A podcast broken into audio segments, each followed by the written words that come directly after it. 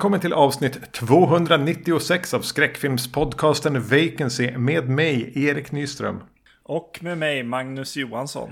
Och eftersom det är dags att prata om en eh, ny Halloween-film och något annat så har vi såklart bjudit in Emil. Välkommen!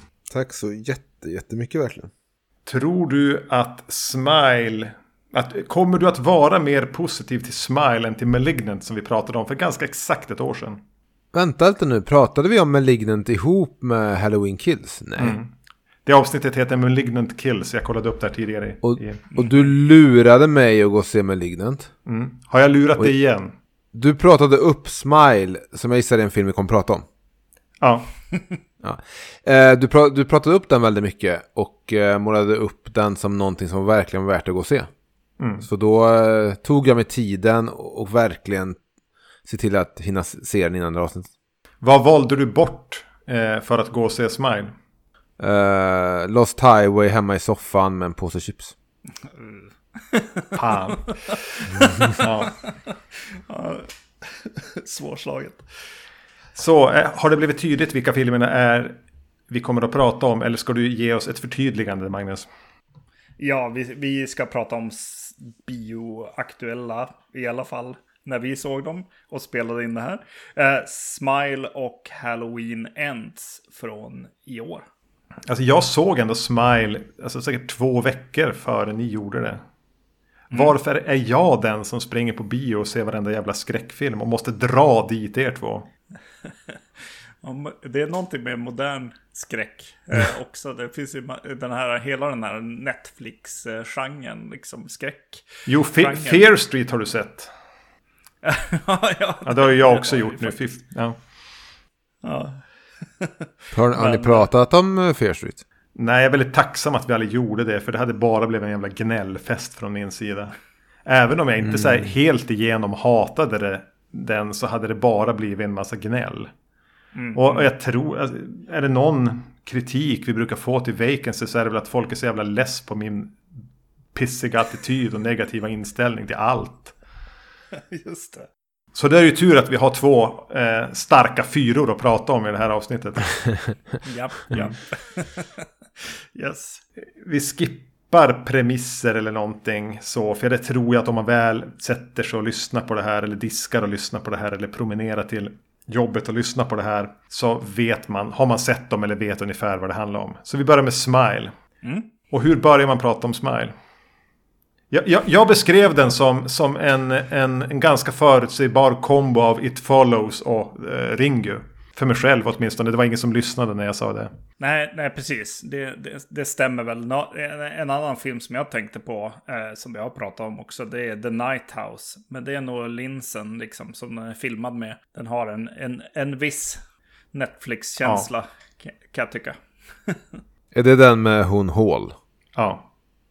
Har du sett The Night House? Ja, jag tror att jag såg den innan du såg den. Ja. Hon är ju bra i den. Visst, men, men, vem spelar huvudrollen i, i Smile? Visst är det Kevin Bacons dotter? Precis, det stämmer. De är en inte person, så lika. Soshi, Bacon. Ja. Eller någonting dylikt. Ja, men det är det. Du nämnde en sak där, eh, Magnus. Du pratade om Netflix-skräck. Ja. Och um, jag såg den här trailern för den här filmen på bio. Jag har sett tidigare liksom i somras om det var så när jag såg Nope kanske och någon mer film. Så, så, det, och jag blev väldigt överraskad av att, att jag såg den här trailern på bio och att jag, och att jag inte såg den på Netflix YouTube-kanal. Mm. Uh, och sen uh, lä... Så jag har tänkt lite kring den här filmen, så jag har tänkt lite på så här billig skräck. Fin, mm. Finns det olika former av billig skräck? För det känns som att det finns... Det finns två sorters billig, billig skräck. Det finns Netflix-skräck. Som är typ så här, du vet, kopior av annan mer känd skräck. Alltså så här no-brand-varianter. Det är, det är så Icas, ja, men det är liksom så här Icas tacosås istället för Santa Marias tacosås. Det är så här, Netflix vill också ha sin Exorcisten-film. Netflix vill också ha sin zombiefilm. Net mm. Och det är en form av väldigt billig skräck. Ofta helt, med helt okända skådisar. Och sen finns det den här Scott Derrickson, billiga skräcken. Som är exakt samma sak.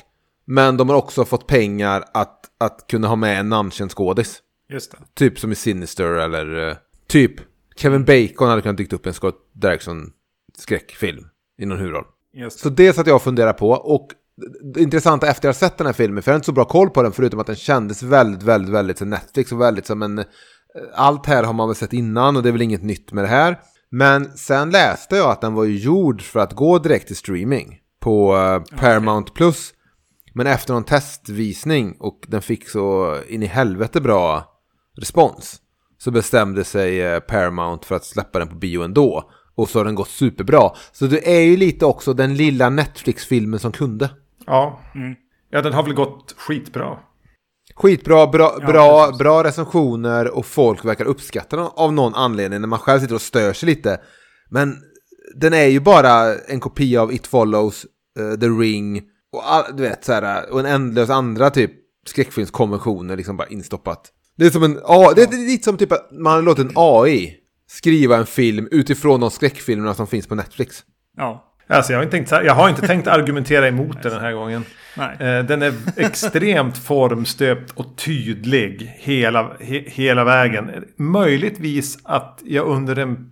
Att, att den är så pass lång, den har en ganska väl tilltagen speltid. Den är nästan två timmar, vilket väl Ja. är alldeles för långt. Så den, den drar det här bara hopplösa upprepandet av scares och eh, håller de på att förlora förståndet? Vad är verkligt, vad är inte? Så långt att jag tänker, nej men den här lilla de- detektivhooken, den kommer ju inte. Nej, just Det det. här kommer bara att vara en lång vandring mot att hon är eh, chanslös mot något. Hon är inte i närheten av att begripa vad det är för någonting.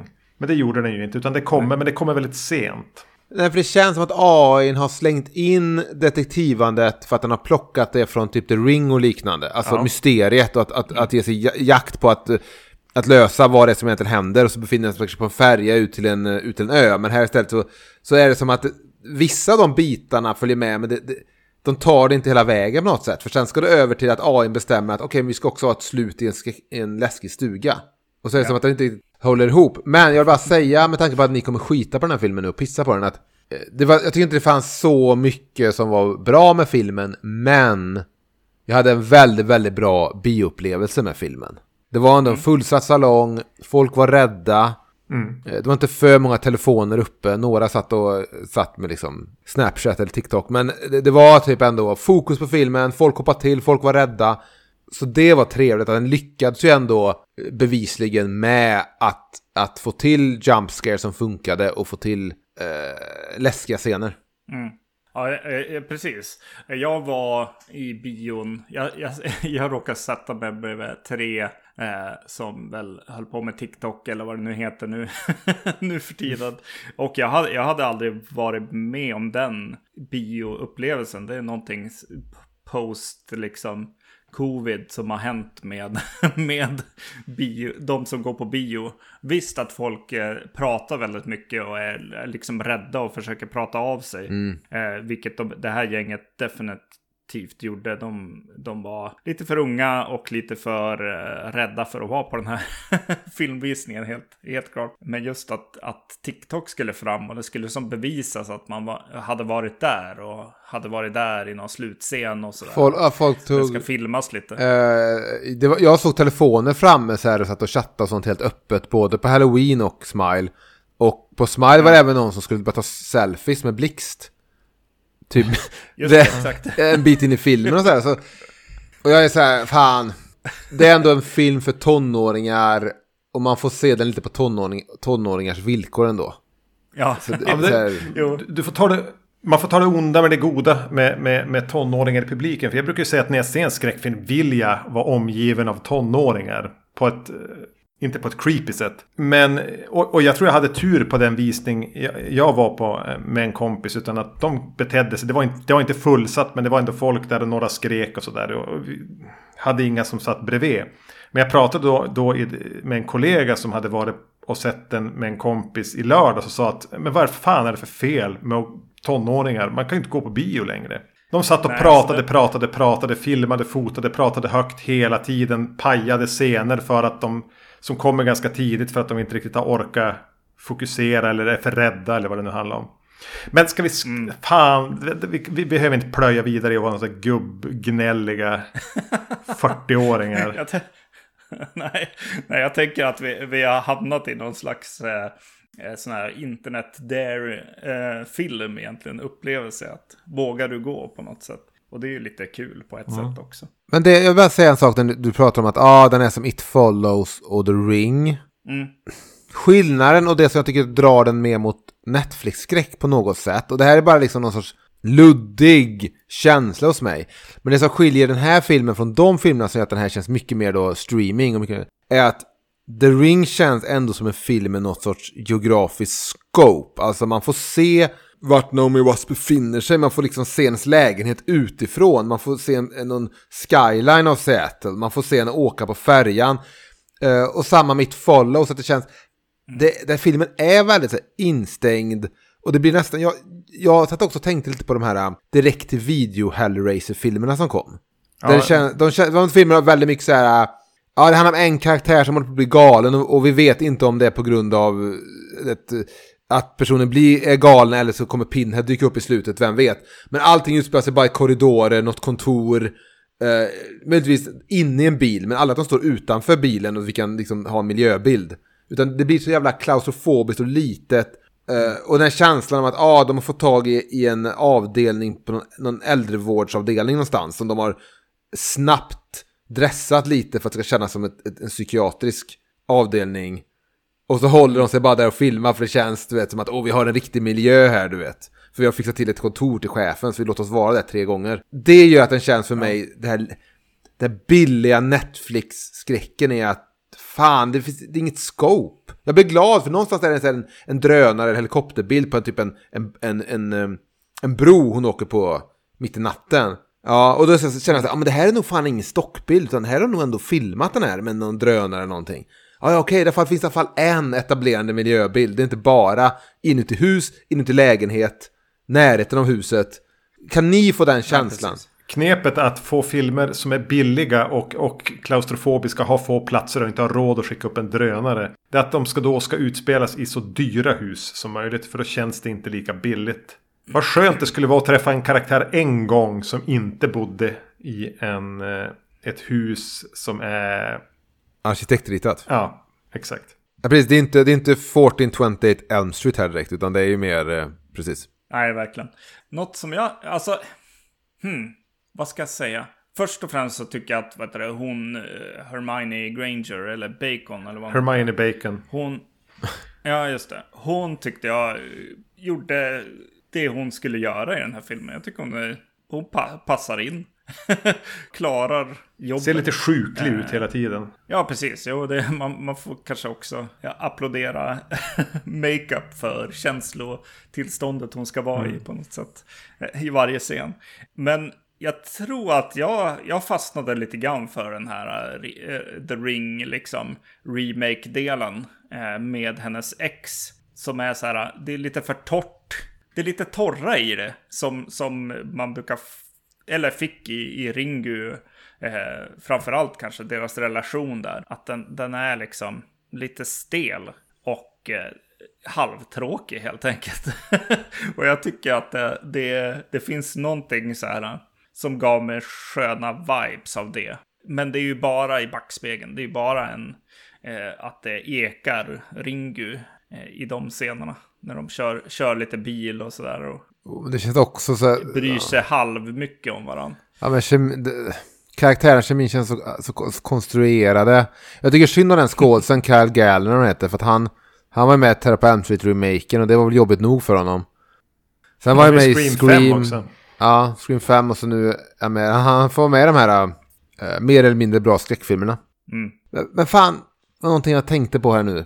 Och det är att, jo men också ett, ett problem också, så jag tycker särskilt till exempel um, It Follows för den här är att allt känns så, allt är bara en lek. Alltså det är så här, det, de har skrivit en, jag vet inte vad hennes jobb är, terapeut kanske? Mm. Det känns som att alltså, de, har, de har fått tag i den här då avdelningen som de, de kan dressa så det ser ut som en, en sjukhusavdelning. Men det känns, in, det känns inte på riktigt. Hon leker en terapeut som man märker att en manusfattare har skrivit utan att ha ringt en terapeut och frågat hur det funkar, utan mm. han har mm. bara gått från vad han har sett tidigare i sitt liv. Det blir väldigt så här, påhittad på ett sätt. Och så jämfört sen på sjukhuset i, låt oss säga Halloween 2 från 1981 kanske. Där det känns som att de spelat in på ett riktigt sjukhus och det känns inte som att fan, det, det hade kunnat vara en sjuksyra som sitter där i receptionen. Men här känns allting så jävla... Och han leker polis, där exet. Han leker ja. så polis ska vara. Eh, terapeuten le leker terapeut som hon har. Allting mm. blir bara så otroligt grunt. Jag tänkte ett tag ja. att det skulle vara någon knorr. Eh, nej, jag, jag, trodde väl aldrig det. Men jag, jag satt under när det blev lite tråkigt, vilket det bitvis blir. Och skapade någon idé att, ja men är det egentligen bara någon slags eh, så här, Shutter Island-grej? Att hon är inte terapeut egentligen. Utan mm. att hon är patient egentligen. Som de har försöker få att må bättre utifrån hennes tidigare trauman genom att tro att hon är läkare. Eh, jag, jag, jag satt och prövade det för att få det lite mm. intressantare. Men det var inte så. nej, nej, alltså... Uh, ja, nej men det, det är sant. Det, det, det, är mycket, just det här är terapeut. Alltså hela den liksom, går du till någon och he, he, hela det yrket i den här eh, känns ju uh, hittepå på något sätt. Eller vad man tror att det är. Mm. För, för att det de vill prata om är att så här, ja men tänk om du faktiskt såg saker då.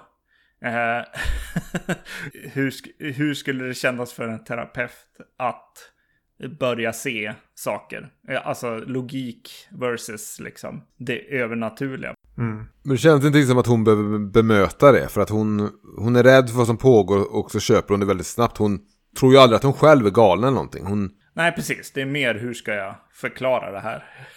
för alla de jag känner. De vet ju att jag är galen nu. Eller i och för sig, kanske inte hennes, hennes egna terapeut. Men... Hon gör ju faktiskt en annan bedömning. Det är så svårt att minnas nu vad som var eh, faktiskt hennes egen terapeut och vad som var eh, hallucinationer av hennes egna terapeut. Jag minns inte längre. Jo, jag tänker på hur det här AI-skrivna som Emil pratade om. Alltså just med, med sådana grejer med att telefonsamtal och så, och så ringer det och så är det någon läskig röst och så ändras det allting och så ringer telefonen mm. igen. Det känns ju som att någon, någon dator skulle ha skrivit. För det vill säga, film, filmen bygger väl på någon, någon kortfilm, tror jag, från början, av gissar samma regissör. Lite likt Lights mm. Out, liksom. Och ja, okay. Och du säger, det är klart så här, du vet, tänk om du pratar med någon. Alltså, ah, typ du pratar om att hon pratar med larmcentralen. Sen visar det sig att det inte är larmcentralen och så ringer det och så är det larmcentralen. Det är så här, ja ah, det är lite Terra det är lite hämtat från det, det är lite så här, snyggt i en kortfilm. Eh, någon som bara sitter och stirrar på dig på en födelsedagsfest och bara ler. Ja, skitsnyggt i en kortfilm. Det är mycket så här typ, det är klart att de har kommit på små mm. snygga sekvenser i filmen. Och det är det som gör att ja. jag ändå sitter ihop med publiken, de här tonåringarna som sitter och, och chattar samtidigt. Och ändå sitter och är lagom puttrande rädd hela tiden för mm. att det kan komma den ja. typ av, typ, nu får jag se någon så här favoriter i repris från skräckfilmshistorien. Välgjort, mm. med, jag tycker musiken var skitbra i filmen kan jag säga. Grym musik, allting var lite läskigt och sådär. Ja. Problemet är att Erik sitter och pratar om att han satt och drömde sig bort så här, teorier om vad som kan hända. Jag satt bara och, och satt och bara, jag tittar på typ, som bäst tittar jag på en Scott Derrickson-skräckis. Så här, typ Sinister. Yeah. Det, det kommer sluta upp med något monster av slag, eller, eller kommer sluta upp med att hon, vi blir lurade att hon har överlevt, sen, sen så är det en lögn, hon dödar sig. Det är så här, jag satt aldrig och, och hade förhoppningar om att det skulle sluta upp med en tillfredsställande lösning eller något eh, överraskande eller ens en sån här M. Night Shyamalan-twist. Nej, jag visste, ju, jag visste ju hela tiden hur det skulle sluta. Vi rör oss mot mm. ännu ett försök till en ny, ett nytt här, skräckfilmsmonster. Du vet, mm. ännu en, alltså som vi har sett, typ Det eller det här monstret, vad han nu heter i, i Sinister och så här. Jo, och så kommer skapar... det liksom. Och så... Ja, precis. Man skulle vilja se vad, vad nu monstret här heter versus monstret i Sinister. För det är de två väldigt intetsägande nya monster. Ja. Mm. Och så blev det väldigt det när eh, mamman då blev det här monstret och var jättelång. Jag tycker det var rätt cool sekvens. Det är alltid häftigt med, du vet, väldigt långa monster. Så, så det blev väldigt det tyckte jag. Okej, okay, nu är det lite hämtat från, från den typ av skräckis, du vet. Ja. Den typ av mardröm.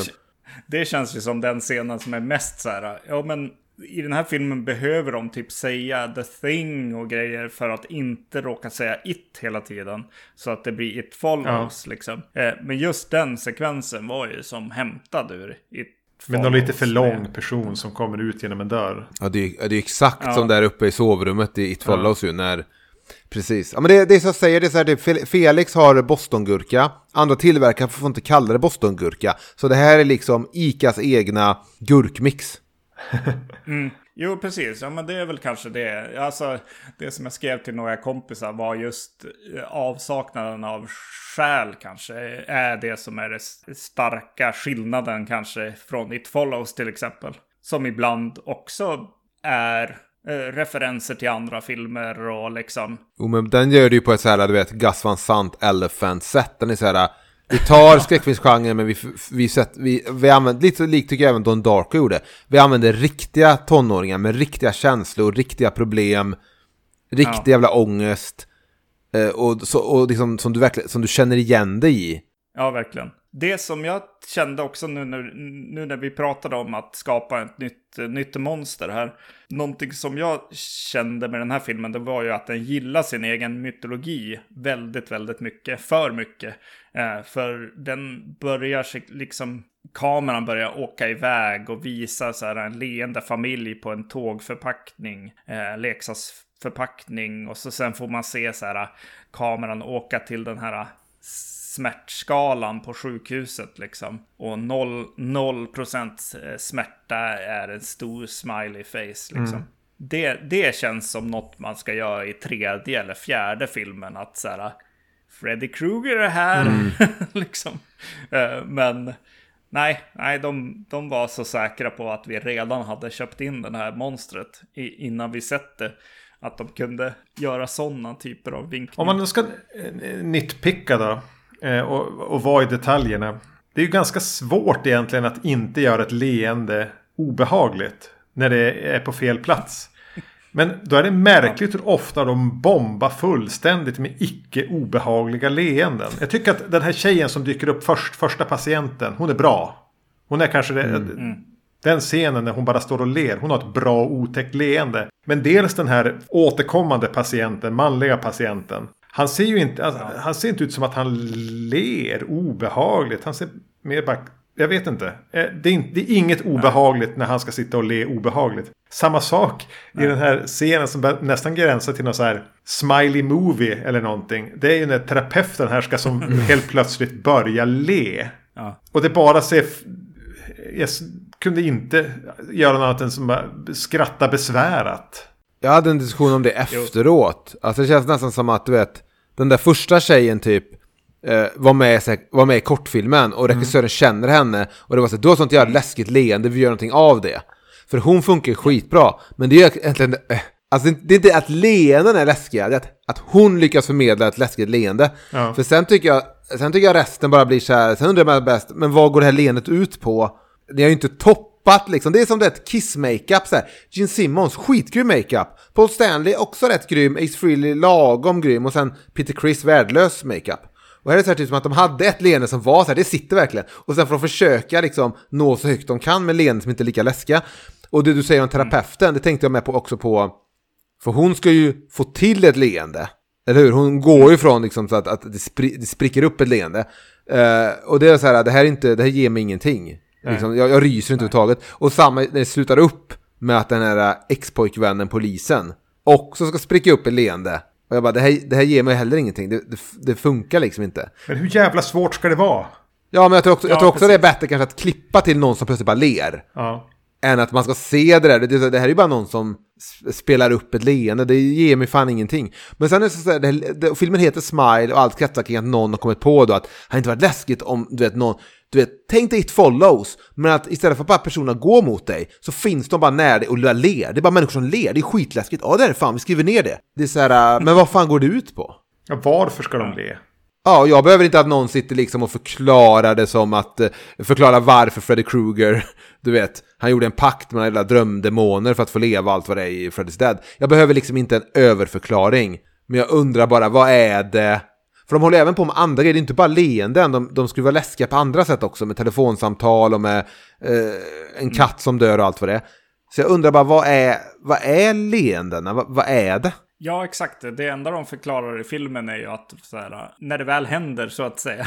jag har kommit på hur mycket spoilers vi har pratat om. Så gäller det att lämna efter sig ett jäkla tra trauma liksom. Mm. Traumatisera liksom. Ja. Och att det skulle vara en del i det då. Att så här, åh, nu är det ännu sjukare än det du skulle kunna tänka dig. Ja, är det som så här leendet ett hån mot traumat eller någonting? För den handlar ju egentligen om traumat. Det gäller att lämna efter sig tra traumatisera någon annan så klarar du det. Och så ska ja. att leendet då är som en, ett hån mot det. Jag vet inte. Nej. Precis som jag tänker då om man ska jämföra med ett follows när vi väl får se eh, no, alltså vad som händer om du blir tagen av, av eh, ondskan där. Så är det som att det är någon, på något sätt en obehaglig pantomim av, en, av sex. Mm. Eh, men eh, ja, jag vet inte fan. Ja, det finns inget att hämta där liksom. Nej, det är grunt. Det är grunt. Smile. Eh, för jag förväntade mig att det skulle vara så här, den här detektivandet skulle leda fram till att vet, på 1800-talet så var det typ en, en clown som startade här. Mm. Eller du vet att det var, hade någonting att göra med någon som hade ett whatever, du vet, någon som inte vågade le eller du vet. Men typ en så här, typ en systern i djurkyrkogården karaktär som Eh, vars mamma tyckte att hennes leende var så jävla fult så hon vågade aldrig le eller någonting. Och så lämnade hon en förbannelse efter det. Jag tror det skulle komma fram, leda fram till något sånt kanske i slutet. Mm. Men nej. men, ja, men nej. alltså, men ja, jag vet inte. Hon, hon, eh, hon, som är med i första scenen som vi pratade om just nu är ju faktiskt affisch-ansiktet ja. också. Så hon, hon kommer väl få en karriär nu, tänker jag. Jag tycker att äntligen den, mest, den bästa scenen i filmen kan ju vara kanske när hon väl dör. Alltså när den bara bryter och hon står där och flashar sitt jävligt läskiga ja. Det kan vara det bästa. Men, men även scenen mm. när hon kommer hem efter den händelsen och hon dyker upp. Hon står typ ja. och häller upp ett glas. Jag trodde det var, för hon har, det är inget, det är ingen fot på glaset. Så jag blev osäker. Häller hon upp sprit eller är det vin? Jag tror det är vin, men att, mm. att inte ett, ett fot på glaset tror jag pratar om mer om hennes alkoholism. Att hon dricker i vanliga dricksglas. Ja, men hon dricker, tar ju så jävla lite. Ja, just det. Det var ändå så, det var så jag tolkar det, typ. Att, att, hon, att hon skiter i att ta ett vinglas. Ja, för då är hon ju en, en, en, en futtig alkis. För det där är väldigt lite vitt vin hon häller upp. Skitsamma. Första ja. gången när hon står där och så vänder hon sig om. Och det är en väldigt lugn scen och kameran bara följer efter. Och så står den här kvinnan mm. leende en bit bort. Det, det är ju en bra Eh, kuslig scen. Den, det är förmodligen den bästa scenen. Jag tyckte, förutom att den har några lyckade cheap scares, så är den det jag kommer att minnas. Och även faktiskt mm. då den här väldigt gimmicky scenen när larmbolaget ring, ringer upp och frågar men är du säker på att du mm. inte släppte in någon? Titta bakom ja, det. Precis. Det, det, mm. det, är ju, det, det är ju rätt bra. Ja, ja det, det, är bra men, men det är bra men ingen högoddsare. Eller det är så här, du vet, det är low hanging fruit. Nej men det är ju en sketch. Ja. Det är ju en... en mm. Men alltså ska det vara mer? Alltså eh, eh, på något sätt också att, så här, att gå in i en biosalong och gå och se en skräckis och vara lite nervös och lite rädd eh, för vad som ska hända i just den här lilla sketchen. Det tycker jag ändå att den lyckas med. Och det kanske är att man är där, att jag var där med ja, men den här publiken, biopubliken. Skulle jag sett den här på Netflix hade jag nog inte blivit eh, så nervös som jag blev. Nej, den här, den här levde ju mycket på, eh, för mig, publiken. Jag ångrar inte biobesöket. Men jag satt ju och väntade på nästa sekvens bara för att, som sagt, och nej, vi, kommer det dyka upp någon ny, något nytt jävla smilande as i mörkret här också? Eller vad, vad är nästa grej? Eh, sen tyckte jag liksom scenen med att hon hade slagit in katten hade något även om jag såg det komma. Men det har man väl också ja. sett innan. Sen, fan i slutet hade jag hoppats lite på att, för att det, det, ska vara lite som en twist i det här att hon såg inte sin mamma dö utan hon lät sin mamma dö. Mm. Ja. Där hade jag en tanke om att okej, okay, har det så det löser sig här att hon har redan dödat någon.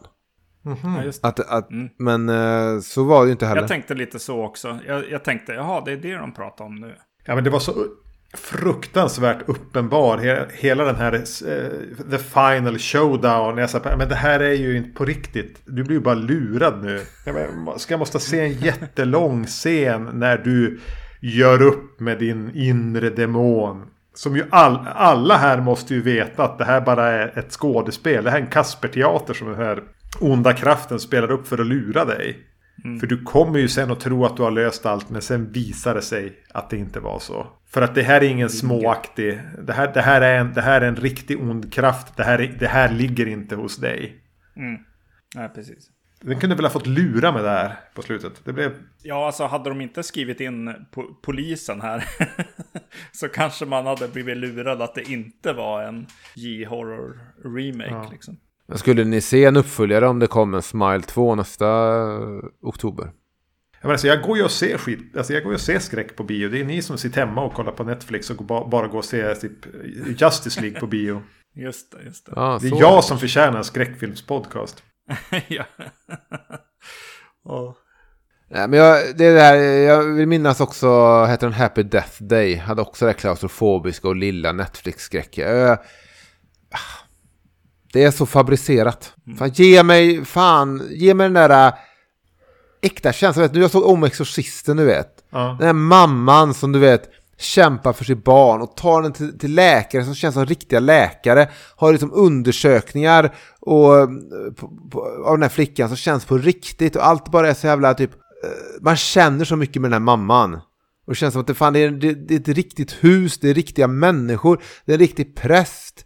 Till skillnad från det här som är så otroligt fabricerat. Det är så otroligt... eh, Tror du inte någon satt Fan. och sa det om eh, första Elm Street-filmen och refererade tillbaka till just Exorcisten när den kom också?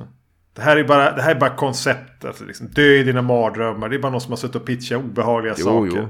Tagit in en jävla. B-skådis eh, från norr, eh, med norskt påbrå. Nej, ge mig Exorcisten eller Rosemary's Baby. Nej, och den lider, den lider väl lite av samma. Att nu sitter ni i klassrummet, nu leker vi i skolklass. Nu leker vi i det, nu leker vi. Visst, men den gjordes på 80-talet så att den har, den har åldrats som gott vin och blivit skitbra. Vi får väl prata om, om eh, Smile igen om, om eh, 35 år. Och se. Jag är ändå glad, jag är ändå glad jag bara säga att fan att en, en, de vågar satsa på en film på, på bio. Den har gått bra, den har blivit mottagen bra. Det är alltid kul att ändå skräckfilmsgenren lever Ja. och, och att det kommer nya filmer. Du vet, att det, det inte är en jävla nystart av så eller vad det nu är. Att det ändå är en ny mytologi även om jag är så less på nya skräckmytologier för att de alla de alla bara nu plockar från varandra på något sätt. Det kommer ju inget så här. It Follows tyckte jag väl ändå var någonting nytt då. Men utöver den så är det mesta så här. Ah, Okej, det är 25% det, 17% det, 8% det. det och saker vi redan sett. Ja, nej, Smile kommer nog inte komma tillbaka liksom. Till mig om 15 år. Nej, det tror jag inte. inte som Shrooms. Det, nu får ni hitta på en brygga till, till Halloween eh, Ends. Men jag ska, jag ska gå och hämta en, en, eh, insomnings, insomningstablett. ja, jag ska också det genom att öppna min nästa öl här. Jaha, du kör två öl. Fan, jag um, vågar inte dricka två. Eh, ja, jag vet inte hur, hur, hur man ska brygga, men jag kan säga så här. Att det finns en scen i filmen, ehm, i den här filmen, där hon åker hem till sin, sin syster. Och de har Ja. ett bråk ute på verandan. Mm. De pratar till varandra som att de måste förklara för varandra vilka de är, eh, deras relation, för att nå fram till publiken. De bråkar inte som folk bråkar om någonting som, eh, som har funnits där mellan två systrar i, i 35 år, eller hur gamla de är. Nej. Exakt samma problem var, märkte jag och kände av i en scen i Halloween Ends som vi ska prata om och kanske brygga över snygga till. Men när de har något bråk, eh, den här barnbarnet, den här tjejen och den här killen har ett bråk efter en fest eller vad det är, ute på en gräsmatta. Och det är samma sak där, att han börjar prata om att jag är sån här och jag har dödat någon och du är ett offer och du, du vet att de, de Ja. här överskrivna jävla scenerna som är så här, men publiken fattar redan det här. Ta bort 90% av all dialog. Ja, Eh, jag fick, jag fick lära mig det där för första gången för att, att eh, eh, notera det eh, när vi höll på att göra Just Cause 2-spelet. Där en karaktär presenterar sig själv liksom. I'm Carl Blaine, drunk and disorderly. Eh, och då hade någon i teamet bara räckt upp handen och säga nej, nej, så där kan du inte göra. Dock kanske i, i ett spel som har liksom, har, just Just Cause kanske det hade gått ändå kanske, men... eh, Jag är så jävla less på det där. Vem fan, vilken manusfattare som har gått liksom en utbildning och får betalt för att skriva manus skriver så jävla övertydligt och så, ty- och så, och så till publiken. Ja. Så, ah, jag blir så less på det. Antingen måste man ju liksom flytta det till någon annan Mm. eh, som får förklara allt det här. Kanske någon som sitter och skriver en bok eh, som kan vara en voiceover kanske. Eh, eller då, vad heter Ja, det? just det, det är med i den här filmen också. Ja, Vi gick iväg och kom tillbaka och ni pratade dataspel. Så då gick jag och hämtade mig whisky istället. Jag gick iväg igen. är ni klara med, med, med referenser till tv-spel nu? ja brygga över då till Halloween Ends. Vad var det ni skulle göra? Ja, men vi gjorde det på ett Ja. sätt som vissa kommer klippas bort. Jaha. Jag kom ut från, från den här äh, Smile-filmen, tog en break och sen gick jag in igen och såg på Halloween Ends och var lite nervös för publiken. Jag tänkte så här, ja men nu blir det så här actionskräckis liksom. Hur ska det här gå? Eh, kommer folk bli rädda och skrika och TikToka och, och så vidare? Men du blev automatiskt trygg när du insåg att det var ingen publik på Halloween ens. Exakt, det var väldigt lite publik. Eh, De som satt bakom, eh, en blev nog besviken. Det var hon som var lite nervös och sa att en sak är säker. Jag kommer vara den första som dör i filmen. det tyckte jag var roligt. Ja, vad fan alltså.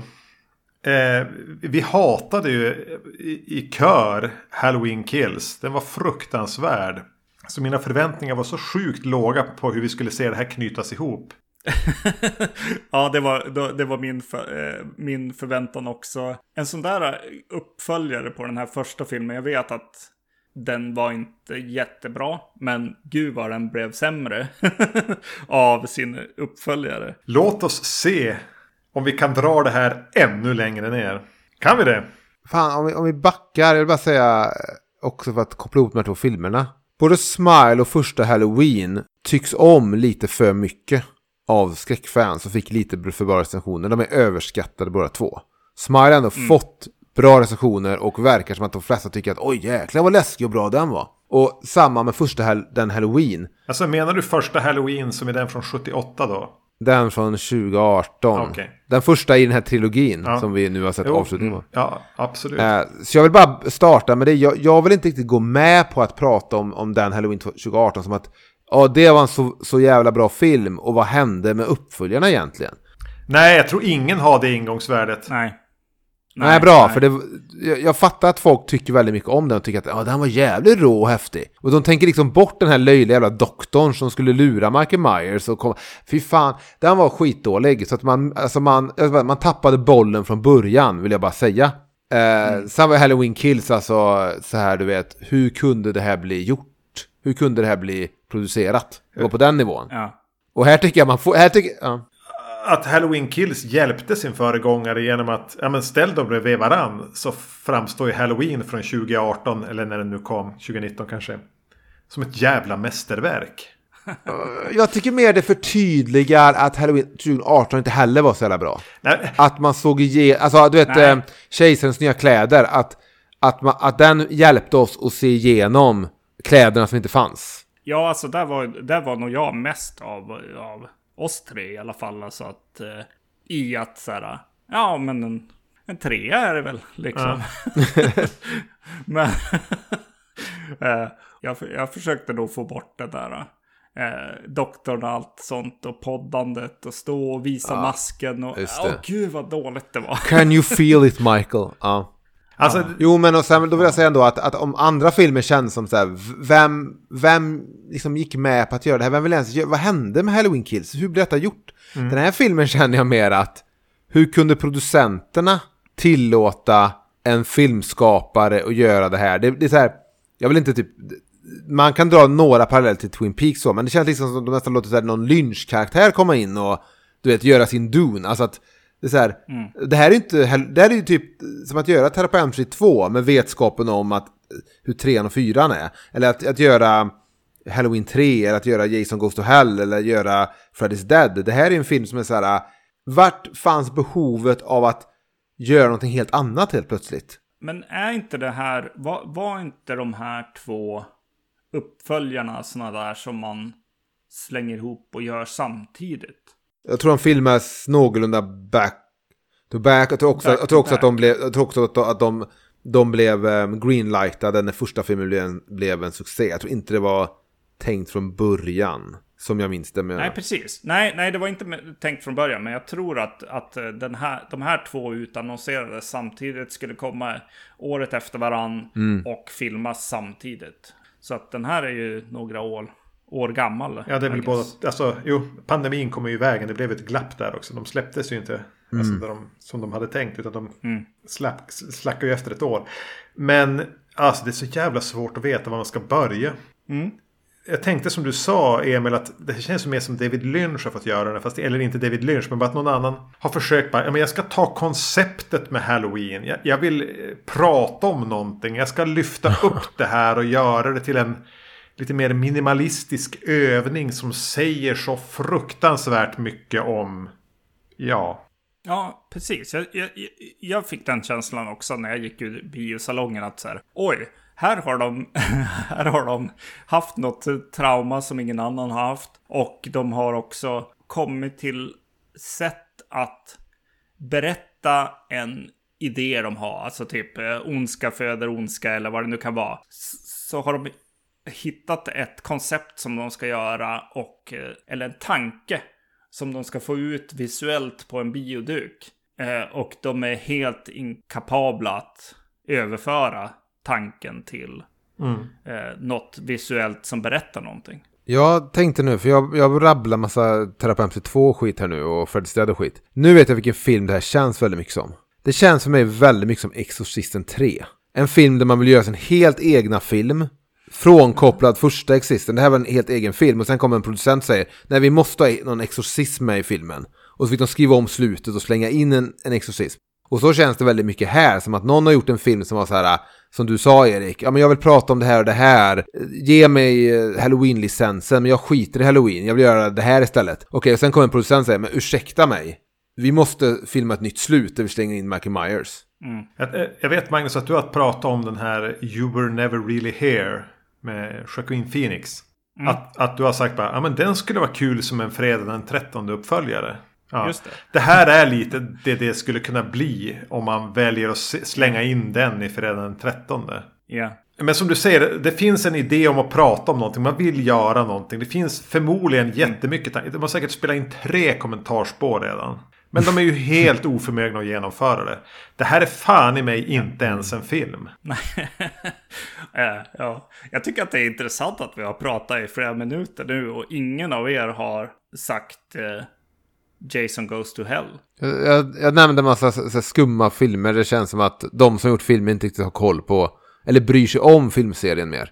Det är mer som att någon Nej, som är nej. så här, ja, ja, jo, ja, fan det finns ett sånt, jag kommer inte på nu, men det finns ett annat exempel där någon, eh, ja men du vet, man, någon regissör blir tillsagd att göra, göra en film i filmserie, så jag säger, men jag bryr mig inte om, jag gör det. Det blir lite Ronny Yu tror jag, han brydde sig inte om Freddy eller Jason.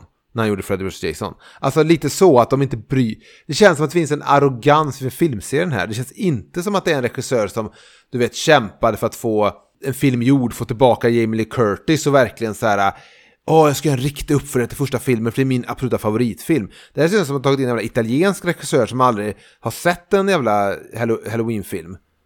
Och har något eget trauma som ingen kan relatera till. Som han måste, vill bearbeta. Nej, och jag, Ja, jag kan precis. fatta att man i en femte eller sjätte film börjar skriva in den här Thorn-kulten och Michael Myers är övernaturlig. Vi måste få in någonting nytt. Du vet, eller vi skriver in ett något jävla barn som Freddy går igenom. För vi har, nu har det gått fem filmer och vi vet inte riktigt vad vi ska göra.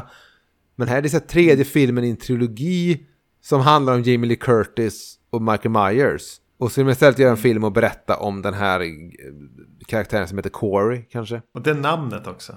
Corey. Vem heter Corey numera? Men alltså, ja. Just ja precis. Just den där uh, traumagrejen. Alltså det är ju någon slags så här, hej, låt oss tänka på ondskan. Och så prova i tre olika filmer och pratar om det på olika sätt och hur det påverkar en liksom en person, en stad, en... Ja, Fan alltså. Men, det är inte bra. Ge mig någon som förklarar vad som var så jävla viktigt med att göra den här Donald Pleasence lookalike CGI-grejen i andra filmen. Någon har tänkt att för att jag ska få ihop det här universumet som är de här tre filmerna. För att jag ska kunna leverera en liksom höger, vänster, höger eh, slagserie. Så behöver jag tillbaks till första filmen och berättar det här och få in den här detaljen som vi tyvärr John Carpenter inte visste om att jag behövde för att få ihop det jag vill ha sagt. Förklara för mig vad som är så jävla viktigt med att göra den revisionismen som nu skördas här när allting är i hamn. Eller ha bara din favorit här Magnus McBride och, och David Gordon Green bara, bara suttit och supe och stoppa i sig tabletter och, och det gräs de kunde hitta. Och bara, nu har de gett oss Halloween-franchisen de dumma jävlarna. Alltså det kan ju vara eh, så. alltså det kan ju vara så att... alltså jag tror att du kanske har rätt på något sätt ändå. Att så här, ja men det kanske är eh, filosoferande kring eh, Michael Myers som ondskan själv, liksom the shape. Hela den biten som liksom är ett startskott för någon slags filosoferande och liksom eh, väldigt smarta tankar på, på lite droger helt enkelt. Jag tror inte det var väldigt smarta tankar. Nej. Det glappar liksom. Det var inte smarta tankar. Det var alkohol och droger inblandat. Och sen kan de inte realisera. Alltså det, det, det fallerar i flera steg. Nej. För jag trodde när den här inledande sekvensen med, med, som är, är, till och med före förtexterna kanske. Med, ja. med något som utspelas året innan som var då parallellt med händelserna i någon av de andra filmerna kanske. Trodde det skulle ha en poäng, det har det absolut inte. Där, där det visas att det är liksom en olycka att någon dödar ett eh, barn där. Så jag tänkte bara okej, okay, vill de säga att Michael Myers i Halloween. Det han gjorde var, var, det bara en olycka att han är lite missförstådd. Det var bara omständigheterna som rådde och att han var i en trängt läge som gjorde att... Och att, att för nu ser alla på Corey som det för att han råkade. Det var ju en olycka men var det då... Äh. Men sen, det känns taffligt i varför de var tvungna att göra den sekvensen jävla spektakulär. Kunde inte bara ungen typ, du ska bada innan du ska lägga dig. Ja, sen glömmer han bort ungen och ungen har drunknat var tvungen att vara en jävla läskig, du vet, eh, smygande väg upp för trappor, hitta en kniv i trappan, bli inlåst, sparka upp en dörr som råkar träffas så han flyger ner fyra våningar. Det blev så här, eh, kunde det inte bara varit lite mindre och lite mer bara man kände att det var olyckligt på riktigt? Du vet som början på Antichrist när de har sex och pojken och deras pojke råkar gå ut genom ett öppet fönster och bara falla ner. Ja. Alltså kunde inte, kunde inte pojken dött på ett sätt som barn faktiskt dör? Det är jättesvårt för en så kort fan. pojke att flyga över ett räcke också. Alltså det ska vara bra kraft i den där dörruppsparkningen. Ja, precis att han flyger liksom uppåt liksom. Ja. Av slag. Jo, eh, jag tycker, om man ska säga hur de borde ha gjort. Så borde fan alla tre filmer bara utspela sig nästan i realtid över Halloween 2018. De dagarna. Mm. Och sen uppföljde då till Halloween originalet. Och så kunde de väl när de ändå hittade den här skådisen som var så lik Donna Pleasence så kunde ändå ha den här rösten. Så kunde de väl nästlat in liksom, gett oss mer av, av 70-talet under filmerna. Men på ett, på, ett, alltså på ett sätt som liksom tillför storyn. Mm. Så att man kunde fått se kanske lite mer av, av Michael i... Eh, ja, när Donna Pleasence försöker jobba med honom när han sitter inlåst. Mm. Och du vet, eller ge oss mer av vad hände efter med Jamie Lee Curtis karaktär? Hur, så att vi förstår varför hon har ett sånt trauma i de här filmerna där hon, helt, där hon är liksom the village idiot. Mm. Alltså så, de, kunde, de kunde gjort en rätt snygg story över, över, tre filmer tror jag. Som bara följer typ jakten på Michael Myers. Alltså hänga med poliserna du vet. Gör det lite mer ja. på riktigt och lite mer som en eh, crime thriller. Samtidigt som såklart Michael Myers hugger ihjäl en och annan. Men här när det ska bli så otroligt Fan, Kills kan vi skita i att prata om, men den var ju horribel. Men här, jag blev så överraskad av att det modiga i och för sig i att de gör en film som inte alls handlar om Michael Myers. När det är den tredje filmen i en trilogi. Och alla sa 2018, fan vad rätt de äntligen har gjort det.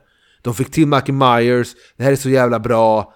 Äntligen är Halloween-filmerna bra igen. Och så kunde de liksom inte hålla i det till en tredje film, utan istället så har de liksom, det är så, det är så bisarrt att någon har godkänt att de gör en film så här, okej, okay, Michael ska bara vara med fem minuter, sen ska det handla om den här jävla eh, Twin Peaks-karaktären som kör runt på en motorcykel istället. Och är lite tyngd av någonting. Det, det är för mig så ja. jävla bisarrt. För jag satt så här, vet, när han, när den här Corey-karaktären träffar Michael Myers första gången i det här tunneln eller vart han bor. typ ett, han har typ byggt ett bo av på... kvistar, han är som en jävla Massa. trast eller någonting. Men då, då, då, kollade jag på klockan och var så här, shit, fan, oj, Michael Myers presenteras först efter liksom en timme eller någonting. Det är så här, mm. oj jävlar, vad är det för jävla film? Men nu kommer fan Michael Myers, tänker man ju liksom. Nu växer han till liv som man gör i om det är Halloween 5 eller något sånt där. Nu kommer han tillbaka från att ha, ha gömt sig undan lite. Men sen får vi följa den jävla Corey-karaktären. Jag, jag, kan inte ens, jag, jag, fattar inte. Nej, just att han, är, ja precis, han är Stephen King-ondskan på något sätt där i staden. Uh, just det, för, för du påminner mig om så här saker som, som var så här, ja ah, men de är på väg i, i 2018-filmen. Men jag ville, jag ville så gärna ignorera eh, att de tror på eh, Dr. Loomis mm. eh, så hårt, de här ma eh, manusförfattarna. Att så här, vänta, han är the boogeyman. Och han är ondskan och han har döda ögon och, eh, och så vidare liksom. Det är ju det som är det jobbiga med att göra Halloween-uppföljare överhuvudtaget. Alltså för att om du ser på första filmen och verkligen bara ignorera allt du vet att det är en serie och allting. Och så tänker du på vad Michael Myers gör i den filmen när han kommer tillbaka. Och hur jäkla seriemördare, sexuellt driven seriemördare som han är i den filmen. Han, han är ju the night stalker där. Ja, verkligen. Och eh, hur han liksom, ja men är upphetsad i den här bilen medan han mördar henne där. Och eh, andningen är inte, inte Jason, utan det är, det är någon som verkligen gillar det här. Och eh, att eh, doktorerna har inte förstått, vet inte vad de ska göra på något sätt. Eh, och att då i den här trilogin gå in med, med det känns ju jätte jättejobbigt. Det är nästan, alltså det är nästan så att Rob Zombie helt enkelt var på rätt spår. ja, men. Det, det de skulle ha gjort då om de ville fortsätta det spåret med att han är ondskan. Alltså, och vi vill prata om ondska och hur den kanske ärvs eller påverkar. Då måste du ju fimpa Jamie Lee Curtis. När de bestämde sig för att inte göra henne till hans syster. Då har ju hon mm. inte mm. en poäng längre.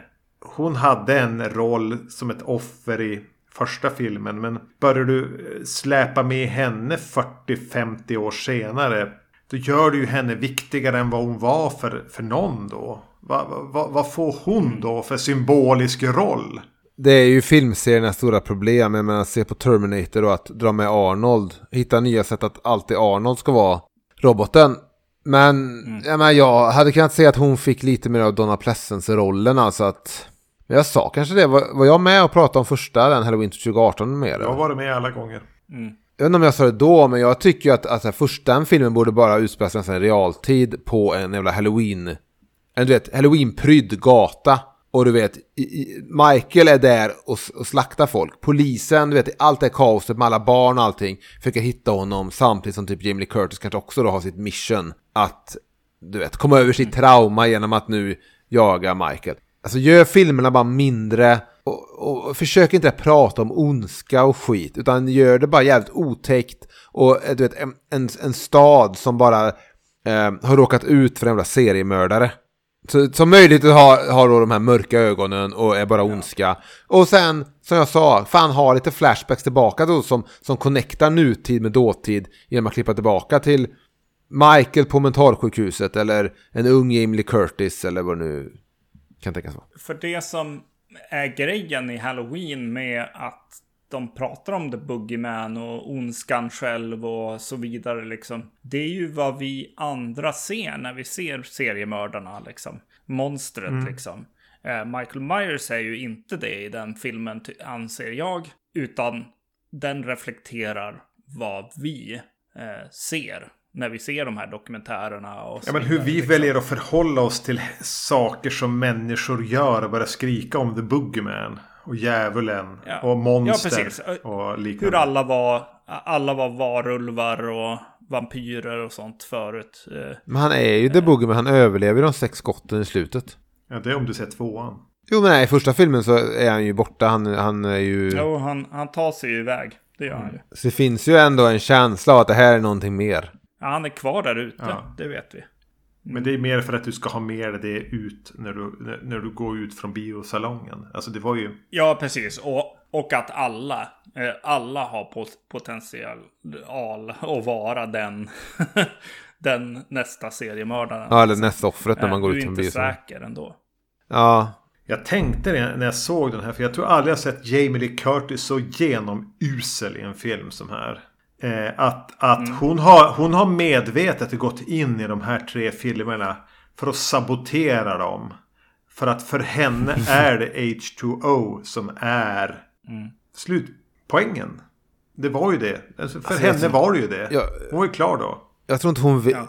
jag tror inte hon vet vad som är bra eller dåligt. Jag tror hon bara... Hon tar pengarna och sen säger okej okay, jag säljer den här produkten. Ja, jag, jag sa det till, till min kompis. Ja. Som, jag, som jag var på. Jag sa det till min kompis som jag var på filmen med. Att hon måste ju vara långt ner i något slags missbruk. Jag tänkte det när vi pratade Emil om, om, om eh, någon av Terminator-filmerna. Att, att när man ser dem, den där eh, Linda Hamilton dyker upp här för några år sedan. Mm. Mm. Är lite samma skick. Alltså det här, är, det, här är, det här är tanter i 60-årsåldern som har druckit och tagit tabletter de senaste 25 åren. Som mm. någon har släpat ut framför kameran för att de för tidigare var viktiga. Nu tycker du är elak. Jag tycker, alltså, hur menar du? För att Emily Curtis här uh, kör ju någon lite så här tantig stil. Hon skulle vara så här uh, pumpa, uh, pumpapajsbakande mormor. Jag menar, ser du henne intervjuer och sånt är hon ju fortfarande jävligt fart i henne och härlig och, och så. Jag, jag, jag, tittar inte på intervjuer, nu går jag på vad jag ser i filmen. Ja. Det är samma sak med Linda Hamilton, att de bara ser eh, väck ut. Alltså att de, är, de har problem. Aha. Men Linda Hamilton kan hålla med om att, att jag ser ett, ett pillermissbruk. Ja. Jag ser det. Eh, och du vet, ett, ett, ett, liv av eh, att ha haft det jobbigt mentalt. Men med Jamie Curtis vet jag inte, men däremot så, jag, jag vet dock inte om Jamie Curtis är en bra skådis eller inte. Jag, alltså vadå, hon, hon råkade gå på rätt casting call och så ble, fick hon rollen i Halloween och sen så, så, så visade hon tuttar i en åttaårsfilm. Ja, hon råkar ju ha en mamma med viss, med viss eh, renommé. Jo, men mm. många i Hollywood har ju liksom mammor som ja. har skådespelat en eller två filmer. Men jag menar, sen vet jag inte, hon har ju en charm, jag vet inte om hon är så superbra. Förstår du vad jag menar? Jag vet inte om hon är så duktig att hon kan leverera det som är skrivet här. Alltså hon får ju läsa någon enkelt. hopplös voiceover. ja, det är, det är riktigt, det är riktigt. Ja, ja, så kommer det in någon så här jävla montage och skit. Jag bara, men vänta nu, vart kommer det här formspråket ifrån? Ja. Nej, det gillar jag inte. Men det jag vill säga är, igen, när du pratar om pillermissbruk och alkoholism. Hon gör ju rollen som Laurie Strode väldigt bra i H2O. Mm. När hon lider av, när hon, när hon du vet, försöker få vardagen att funka och försöker få livet att funka. Och du vet, ha alkoholismen under kontroll. Det är så jävla mycket mer på riktigt och så jävla mycket bättre än vad fan det här är. Du vet, du vet hon, har, hon, hon är helt, helt besatt och förstörd av Michael Myers i första filmen. Sen plötsligt nu så är hennes dotter har blivit mördad. Folk har bara dött. Och nu ska hon så här leva ett lyckligt liv och, och, och lite mer. Alltså, det, det blir så... Um, det känns inte riktigt som att man har haft koll på karaktären heller. Utan det är så här, okej okay, vad gör vi med Emily Curtis är kvar för hon ska ha sin producent-credit och sina pengar. Vad gör vi med henne i den här filmen då? Det är som att de är fast med det som de... Ja, de var så glada för att få med henne eh, för att ge cred till projektet när de gjorde Halloween 2018 och de göra på riktigt. Så det känns som att de plötsligt det var så lite monkey på. De är såhär, nu är vi fast. Nu är vi fast med Emily Curtis. Vad gör vi med henne nu? Ja. Jo, men alltså det är väl, alltså, du är väl inne på när du hela tiden refererar till det till ett projekt. Det, det är väl det det är på något sätt. Och så bara, ja, vi har de här personerna, vi har de här som kan sälja, sälja filmen sen. Jamie Lee Curtis i en intervju bara, hotar oss nästan att börja gå och se filmen. Liksom. För hon är så inne på det och sälja in Hon liksom. lyckades ju förhandla till sig att i Halloween Kills ska jag ligga i en sjukhussäng hela filmen. ja, det... och, och, och ligga och, och flörta med den här lodisen som eh, lallar runt här också. I, I någon illasittande kavaj och oklippt frisyr. Jag vet inte riktigt vad han gör där. Nej men det blir också som att fan, vi har kvar den karaktären och de hade någon sorts relation i förra filmen. Ja. Han kan ju inte bara skippa. Och så kommer, dyker han upp i två scener. Undrar om, undrar om de har filmat dem i efterhand liksom. För jag tänker på att så här, om, om det är så att de har spelat in de här två back to back. Så har ju han gått igenom en hel del på bara ett par dagar här. Eh, det är någon, någonting som har, som har hänt honom mellan de här två filmerna. Eh, eller så har han bara tänkt att jaha okej jag ska spela fyra år senare eller något sånt där. Så bara Han är, han, gått lite på något överstyr vis så är han i betydligt bättre skick när han ligger i en sjukhussäng. Ganska svårt skadad än vad han är när han stapplar runt här. Och verkar liksom behöva assistans. Men en sak, så här, det det här är en film som ändå slutar upp med att vi verkligen för en gångs skull får se filmskurken The Boogeyman förintas. I alla du vet Terror på mc-filmer som, som folk gick och, och, gick och såg på 80-talet så var det ändå alltid så här, men Freddy lever nog ändå. Varje Jason-film var så här, ja men Jason finns nog ändå där på botten ändå. Han kan dyka upp igen. Och i den här filmen när vi äntligen då får se en filmskurk, alltså förgöras på ett sätt som att okej, det finns ingen chans att han kan komma tillbaka. Så är det i en film där filmskurken fått, med, fått vara med i tre och en halv minut. Mm. Alltså jag, jag får en känsla av att det är någon slags känsla av att Jamie Lee Curtis är någon slags eh, viktig person för fanbasen. Och att typ H2O och Re- ja, framförallt Resurrection gjorde henne en otjänst liksom att så här, nej, ni kan inte döda henne. Och att den här filmserien är till för att vända det och till det lyckliga slutet som, som biopubliken vill se ändå. Men de fick ju det slutet i Halloween 20 år sedan och högg i huvudet av Michael. Ja, precis. Men då gjorde de Ja, Resurrection. ja, den är jättebra. Den är jättebra. Så jag, jag bara säga, jag ljög, jag ljög lite, eller jag hade lite fel när jag bara pratade om att eh, äntligen får vi se Boogeyman verkligen förgöras. För det fick vi fan i H- eh, Halloween 20 år senare också. Det, det, det, Ja. det var ju också definitivt när fan huvudet flög av.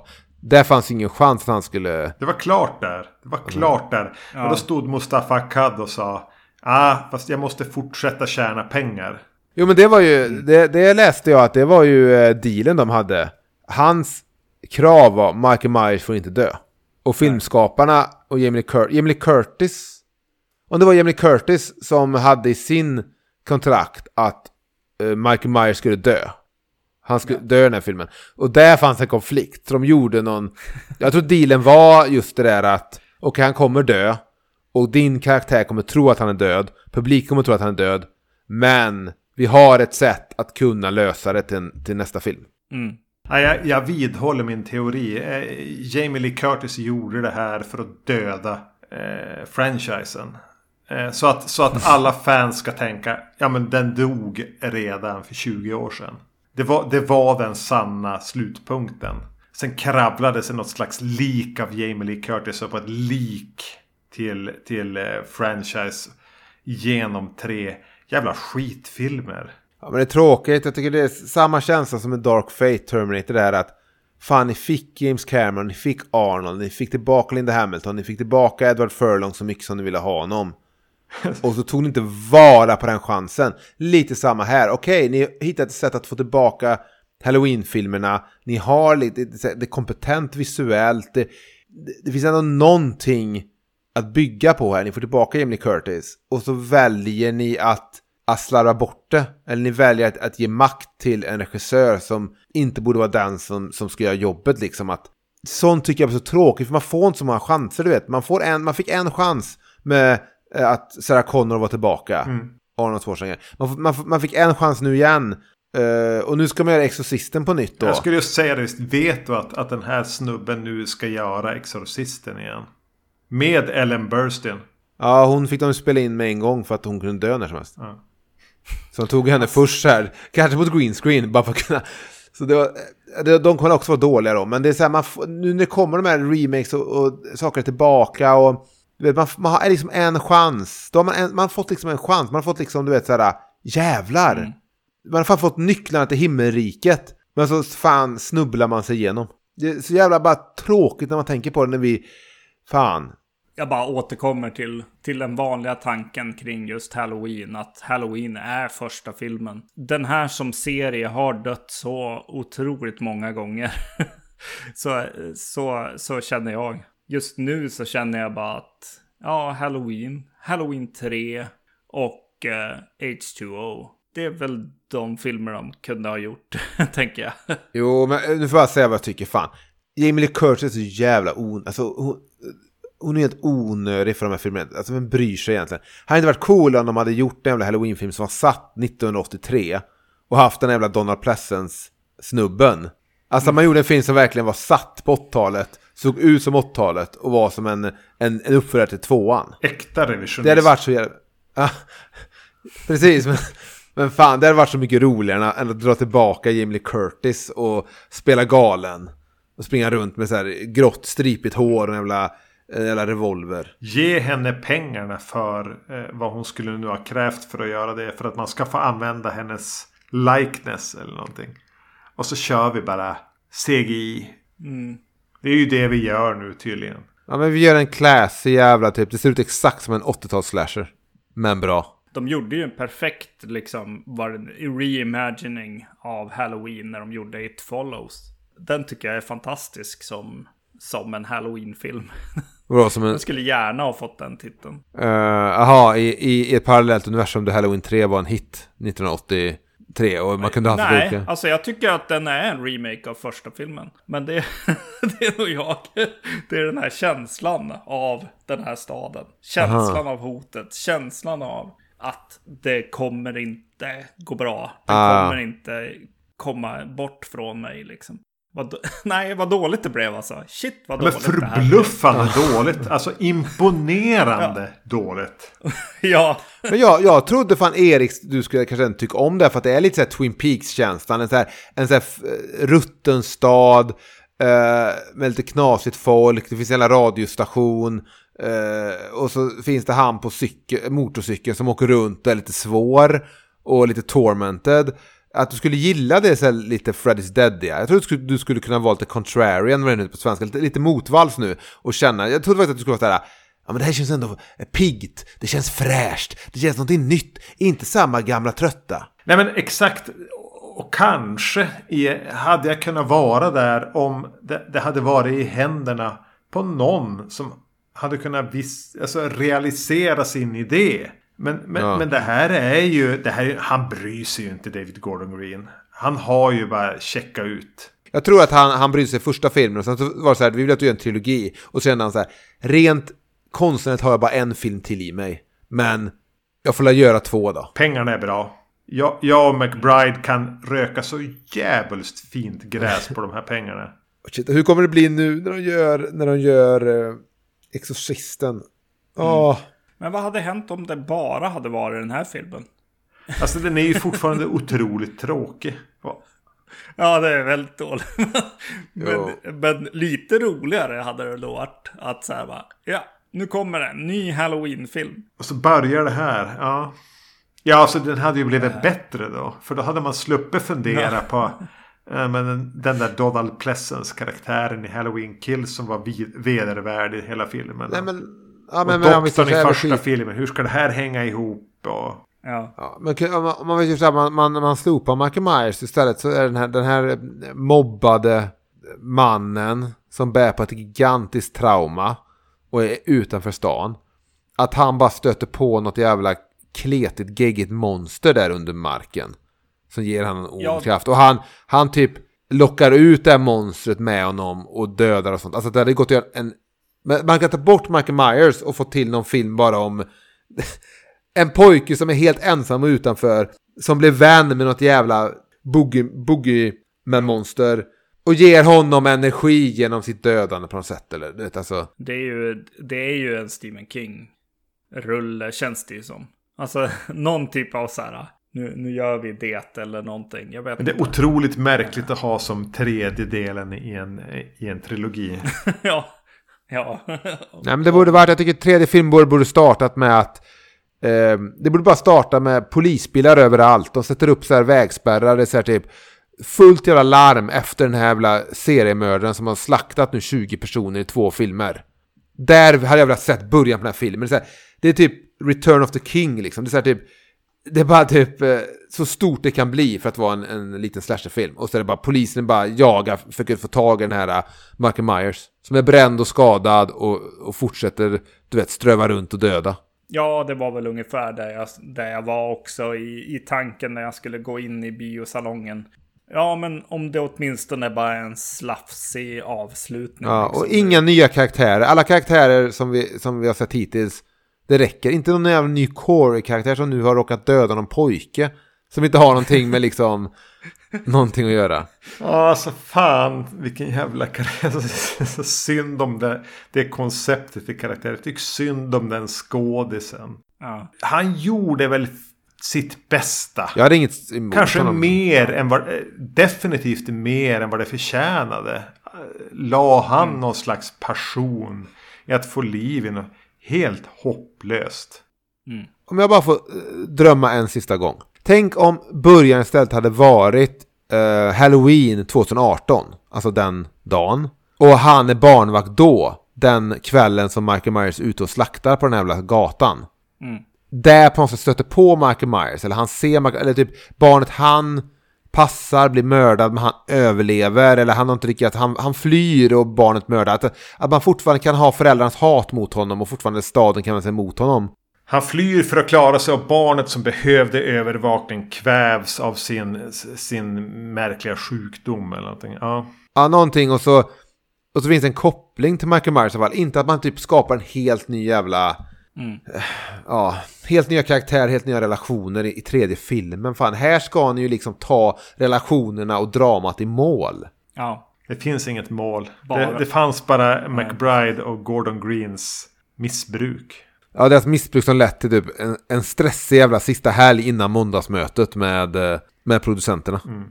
Där de måste bara, vi måste ha någonting, vi måste ha någonting. Och så säger de, "Ja, men kan vi inte ha så här, men tänk om det är en sån här kille. Det bästa med den här filmen är ju känslan av att hur i helvete kunde det här hamna på bioduken? För det här är inte ens en film. Det är en dålig idé, den är dåligt genomförd.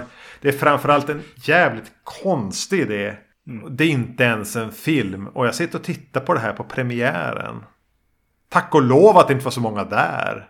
Nej, för när jag, sa, jag såg det i en stor salong på, här på biopalatset och... Eller möjligtvis Bergakungen, jag minns inte. Men det var alltså, det var inte många i salongen. Nej. Jag såg den också på premiären ju, fredag kväll där. Ja. Det var fan högst 10-12 pers i en stor jävla salong. Ja, men samma sak här skulle jag säga. Och Smile var ju full, mindre salong men ändå fullsatt. F- alltså, Ja. där har ju verkligen word of mouth funkat. Att folk vill gå och se Smile. Jag tror inte så många vill gå och se Halloween. Jag gör inte det. Nej, nej, nej, precis. Nej, nej, nej. Gå inte och se den här. Nej. Ja, men tack och lov att vi genom den här eh, nya eh, sviten skitfilmer. Mm. Tack Emil för att du var här och håller oss i handen.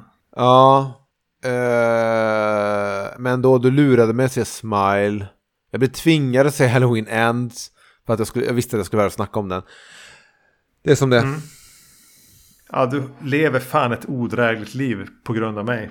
Ja.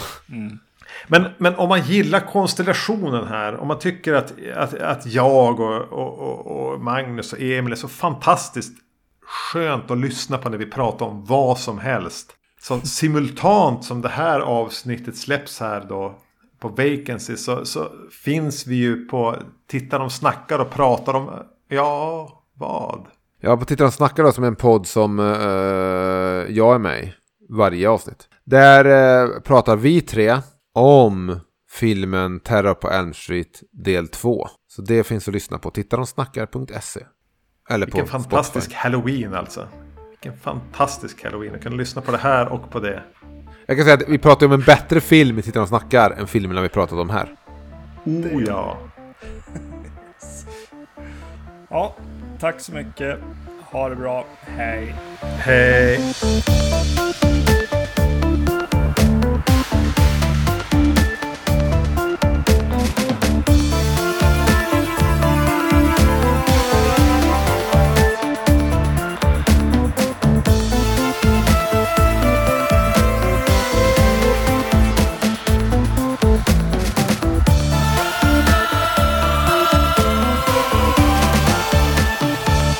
Vem av er ska ha det här då?